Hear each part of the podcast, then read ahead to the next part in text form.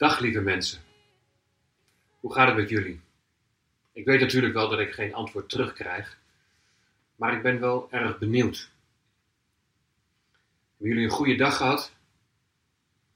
Is het gelukt om nog een moment apart te zetten?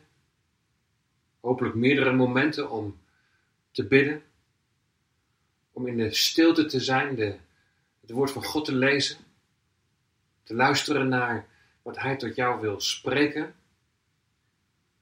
Is er een moment van, van bezinning geweest? Waar sta ik in mijn relatie met God? Hoe is mijn geestelijk leven? En als je vader of moeder bent in het gezin, hoe geef je gestalte aan het geestelijk leven in je gezin? De opvoeding van je kinderen? We zijn allemaal stilgezet. Het is een rare periode waar we in leven. Maar God kan juist deze periodes van crisis, of als we door een dal gaan, kan Hij juist gebruiken om ons bij Hem te bepalen. Dat we zullen opzien naar Hem en Hem om hulp zullen vragen. Heer, hoe moeten we deze situatie waar we nu in terecht zijn gekomen duiden? In wat voor wereld leven we? En dan kunnen we heel makkelijk om ons heen kijken. En dan, en dan zeggen we, ja, deze wereld is van God los. Maakt allemaal verkeerde keuzes. Ook als het gaat om leven en dood. Maakt verkeerde keuzes als, als het gaat om de structuur die God heeft aangegeven. Maakt, maakt verkeerde keuzes in het omgaan met deze schepping. Mensen sterk op zichzelf gericht. Individualistisch. Overtuigd van zijn eigen kunnen. Ik heb al heel vaak het woordje maakbaarheid gebruikt. Dat de mens het idee heeft dat alles in deze wereld en in deze schepping maar maakbaar is. Dat hij alles naar zijn hand kan zetten. Ja, zo kunnen we naar de wereld om ons heen kijken. Maar juist ook deze drie dagen zijn bedoeld om tot bezinning te komen. En vooral te kijken in je eigen hart. Hoe zit het met jouw relatie met God? Want we kunnen wel zeggen, ja, de mens heeft het idee dat alles in deze wereld maakbaar is, dat hij alles naar zijn hand kan zetten. Maar zijn we daar ook niet zelf, eerlijk gezegd, een beetje mee besmet? Dat we ook toch dat gevoel wel hebben dat we tot heel veel in staat zijn. Dat we heel sterk vaak de neiging hebben om actief te zijn, om dingen te doen, dingen te ontplooien, ook als het gaat om kerkelijke activiteiten. Maar in hoeverre zijn het werken die God heeft voorbereid? In hoeverre zijn het echt werken vanuit Hem? In hoeverre is het echt geleid door de Heilige Geest? En God die, uh, die spreekt tot de profeet Zacharia en daar wil ik graag over lezen. En ik denk dat wat hij tegen Zacharia te vertellen heeft, dat wij daar ook hele belangrijke conclusies uit kunnen trekken. De profeet Zacharia, een tijdgenoot van Haggai en Ezra en Nehemia, dus net na de ballingschap, als het volk is teruggekeerd. En dan staat er in hoofdstuk 4, daar staat dan het volgende. En dat is het vijfde visioen. En het visioen, dan ziet hij een gouden kandelaar en twee olijfbomen. En we lezen hoofdstuk 4 vanaf vers 1. De engel die met mij sprak, kwam terug en wekte mij, zoals iemand die uit zijn slaap gewekt wordt. En hij zei tegen mij: Wat ziet u? Daarop zei ik: Ik zie en zie een kandelaar, geheel van goud, met een olievaatje aan de bovenkant ervan, en daarboven, daarbovenop zeven bijbehorende lampen, met telkens zeven toevoerbuisjes aan de lampen die daarboven zitten. Met twee olijfbomen ernaast. één aan de rechterkant van het olievaatje en één aan de linkerkant ervan. Ik antwoordde en zei tegen de engel die met mij sprak: Mijn heren, wat betekenen deze dingen? En toen antwoordde de engel die met mij sprak en zei tegen mij: Weet u niet wat deze dingen betekenen? Ik zei: Nee, mijn heren. Daarop antwoordde hij en zei tegen mij: Dit is het woord van de Heere tot Zerubabel, niet door kracht en niet door geweld, maar door mijn geest.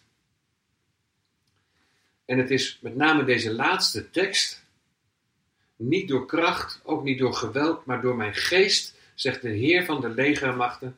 Dat is de tekst die ik op dit moment even centraal zou willen stellen, om daar zo even van gedachten over te wisselen. Zacharia wordt wakker geschud. Maar misschien is dit voor ons ook wel een tijd om wakker geschud te worden.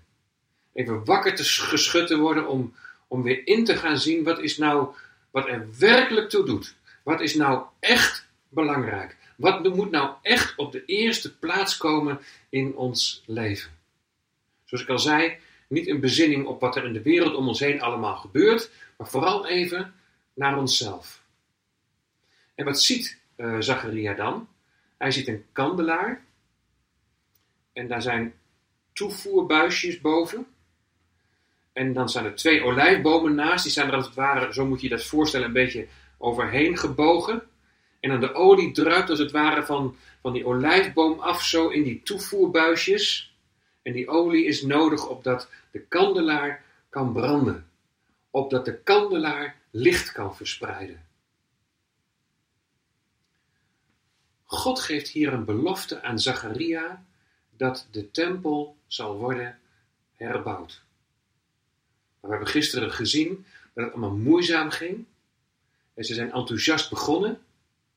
Maar dan is de tegenwerking. De vijanden die belemmeren hen het werk.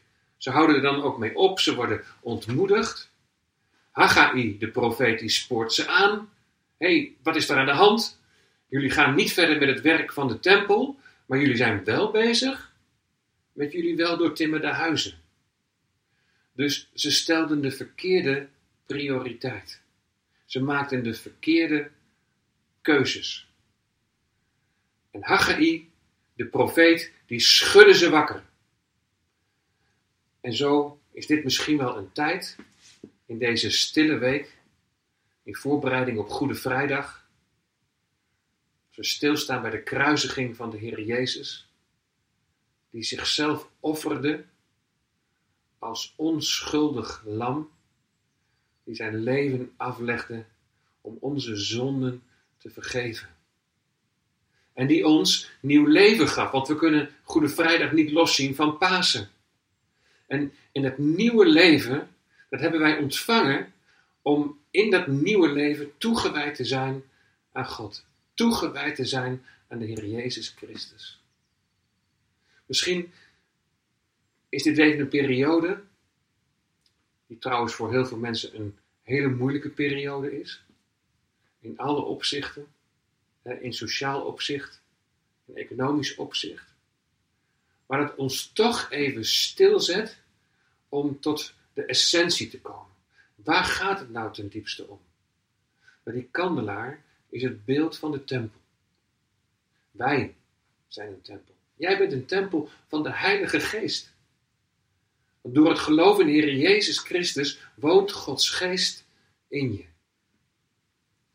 En hier in het Oude Testament, bij Haggai en Zacharia, Ezra en Nehemia, daar moet de tempel gebouwd worden. Hetzelfde is het geval bij ons. Dat de tempel wordt gebouwd in die zin dat wij opgebouwd worden in ons geloof. Dat wij opgebouwd worden in het onvoorwaardelijk willen volgen van de Heer Jezus Christus. Dat we standvastig mogen worden in ons geloof. Ik heb het gisteren al over gehad. Hoe zal het straks gaan na de crisis? Hoe zal het straks gaan als we weer in ons dagelijkse leven terechtkomen?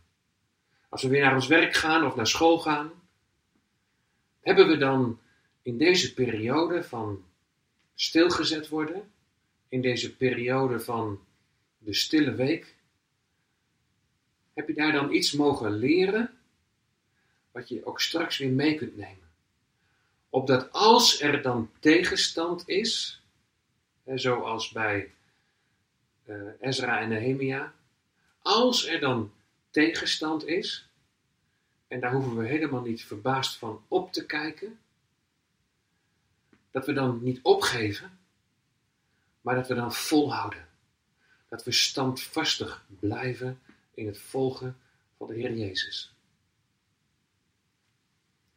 Wat zien we hier in dit beeld? We zien dus die tempel. En wat heeft die tempel nodig? Nou, door die toevoerbuisjes komt die olie van de olijfbomen. Wij hebben de werking en de kracht van Gods Heilige Geest nodig in ons leven. In de Bijbel daar staat, wordt vervuld met de Heilige Geest. Je hebt Gods Geest ontvangen, maar dat wordt vervuld geeft een voortdurende vervulling aan van Gods Geest. Dat je vol mag zijn van Gods Geest. En als je dan niet de juiste prioriteiten stelt, als je verkeerde keuzes maakt, als je weer gaat leven naar het vlees, dat je weer gaat denken van nou, uh, het is allemaal wel maakbaar, ik kan het zelf wel, dan geef je ruimte weg. Ruimte waar de Heilige Geest niet zijn werk kan doen. Het is zo belangrijk dat we geleid worden door de Geest van God. En we willen bouwen. Bouwen aan ons geestelijk leven. Bouwen aan de gemeente. We willen mensen bereiken met het evangelie. Maar hoe gaan we bouwen? Hoe bouw jij? Ik kwam een eh, artikel tegen van het eh, Zoeklicht. En dat is geschreven door Ime Horrius, die wij wel kennen als spreker.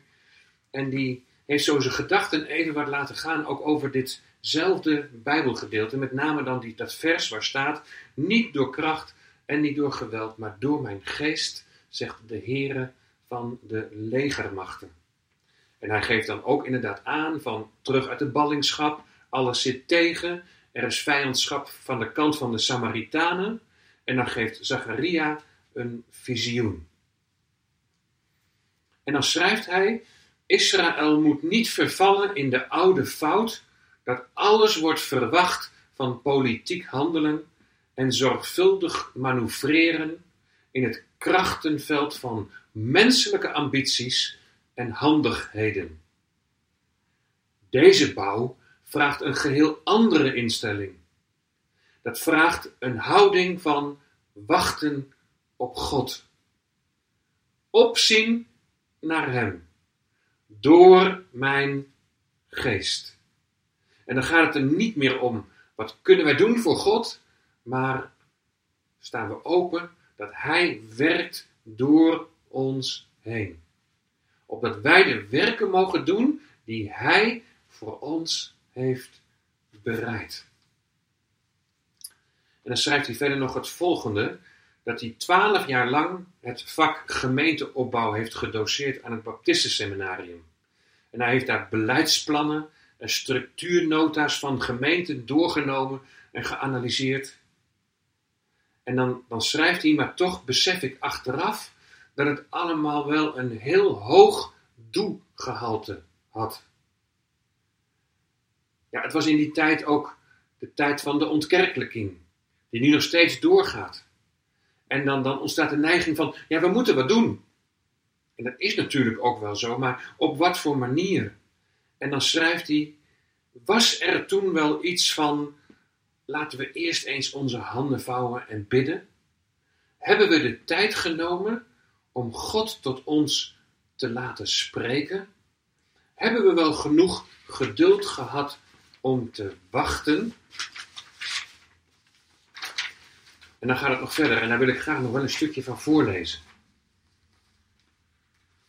En hij schrijft: Je bouwt geen kerk door kracht of geweld, mankracht en vergadergeweld.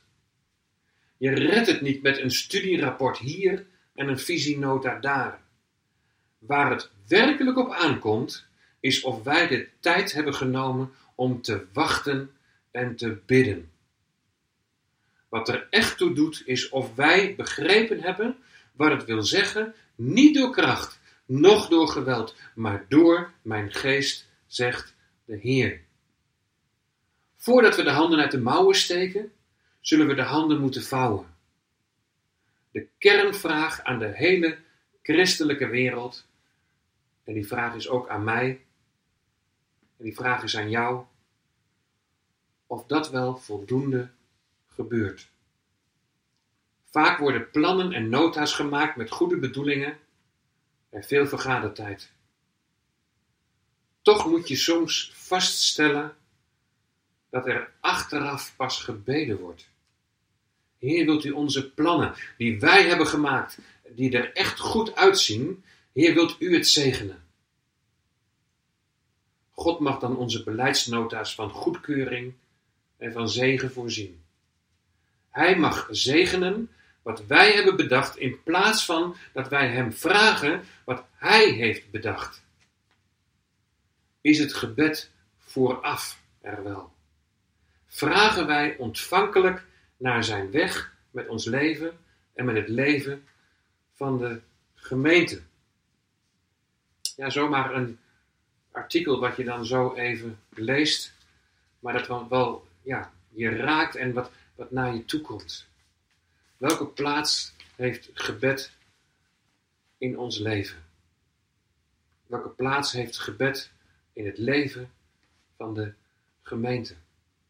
We zijn even stilgezet. Een stille week. Een moment van bezinning. En dan mogen we bidden, Heer, leer ons uw weg. Leer ons bidden. Leer ons om nog veel meer afhankelijk van u te zijn. En dan hoeven we het niet voortdurend te hebben om over die wereld om ons heen. Nee, wij zijn geroepen om een licht in deze wereld te zijn. In het boek Openbaring, daar staat de kandelaar voor de gemeente. En daar, en daar, daar wandelt de Heer te midden, te midden van die kandelaren. Hij is het middelpunt. De Heer Jezus is het middelpunt. En hij waarschuwt daar om afhankelijk van Hem te blijven, anders wordt de kandelaar weggenomen. Wij zijn een kandelaar en wij mogen licht verspreiden. Maar als we daarin niet openstaan voor de werking en de kracht van de Heilige Geest, als de olie ons niet doorstroomt, dan zal het licht niet branden. Ik wens jullie ook voor morgen weer een hele mooie dag. Een mooie dag van stil zijn aan de voeten van de Heer Jezus. We hebben het gisteren zo mooi gezongen. Aan uw voeten, Heer, is de hoogste plaats. Heer, we willen niet altijd maar weer bezig zijn. Zo hebben we toch, toch gezongen. Maar we willen stil worden. We willen wachten. We willen uw stem verstaan. En daar, van daaruit de werken doen die Hij voor ons heeft voorbereid. En ik ben erg benieuwd hoe de weg verder zal gaan. Ik ben erg benieuwd wat de Heer verder voor ons voorbereidt. Maar dat we toch in deze wereld een lichtend licht en een zoutend zout mogen zijn. Dat wij getuigen mogen zijn van die levende Heer, die niet loslaat het werk dat Hij in ons is begonnen. Neem je ook morgen weer een tijd van bezinning, van stilte, van verlangen naar de stem van God. Gebruik daarbij je Bijbel. Lees mooie Bijbelgedeelten door. Bid. En laat God tot je spreken. Zullen we nog samen bidden? Trouwe God, Hemelse Vader, we danken u voor dit woord. We danken u zoals u Zacharia erbij bepaalt dat het bij de bouw van de tempel niet een kwestie is van eigen kracht, niet door kracht noch door geweld, maar door uw geest, zo mogen we deze boodschap ook vertalen naar onszelf. Heer, leer ons om veel meer nog in afhankelijkheid van u te leven. Heer, geef toch dat wij een biddende gemeente mogen zijn. Dat we het mogen leren om uw stem te verstaan dat we het mogen leren als het tijd is om te wachten. Om, om de juiste keuzes te maken. Vader, we zijn zo geneigd om onze mouwen op te stropen. En we willen met alle goede intenties heel veel dingen doen. Maar is alles wat we doen ook uw verlangen? Is alles wat we doen ook uw bedoeling? Is alles wat we doen zijn dat de werken die u voorbereid hebt? O Heer, geef een herleving. Een begin bij mij. Heere, geef een herleving. In deze periode waarin we stilgezet zijn. In deze stille week. Dat we het niet meer van onszelf verwachten, maar van U alleen. Uitgenade in Jezus' naam. Amen. O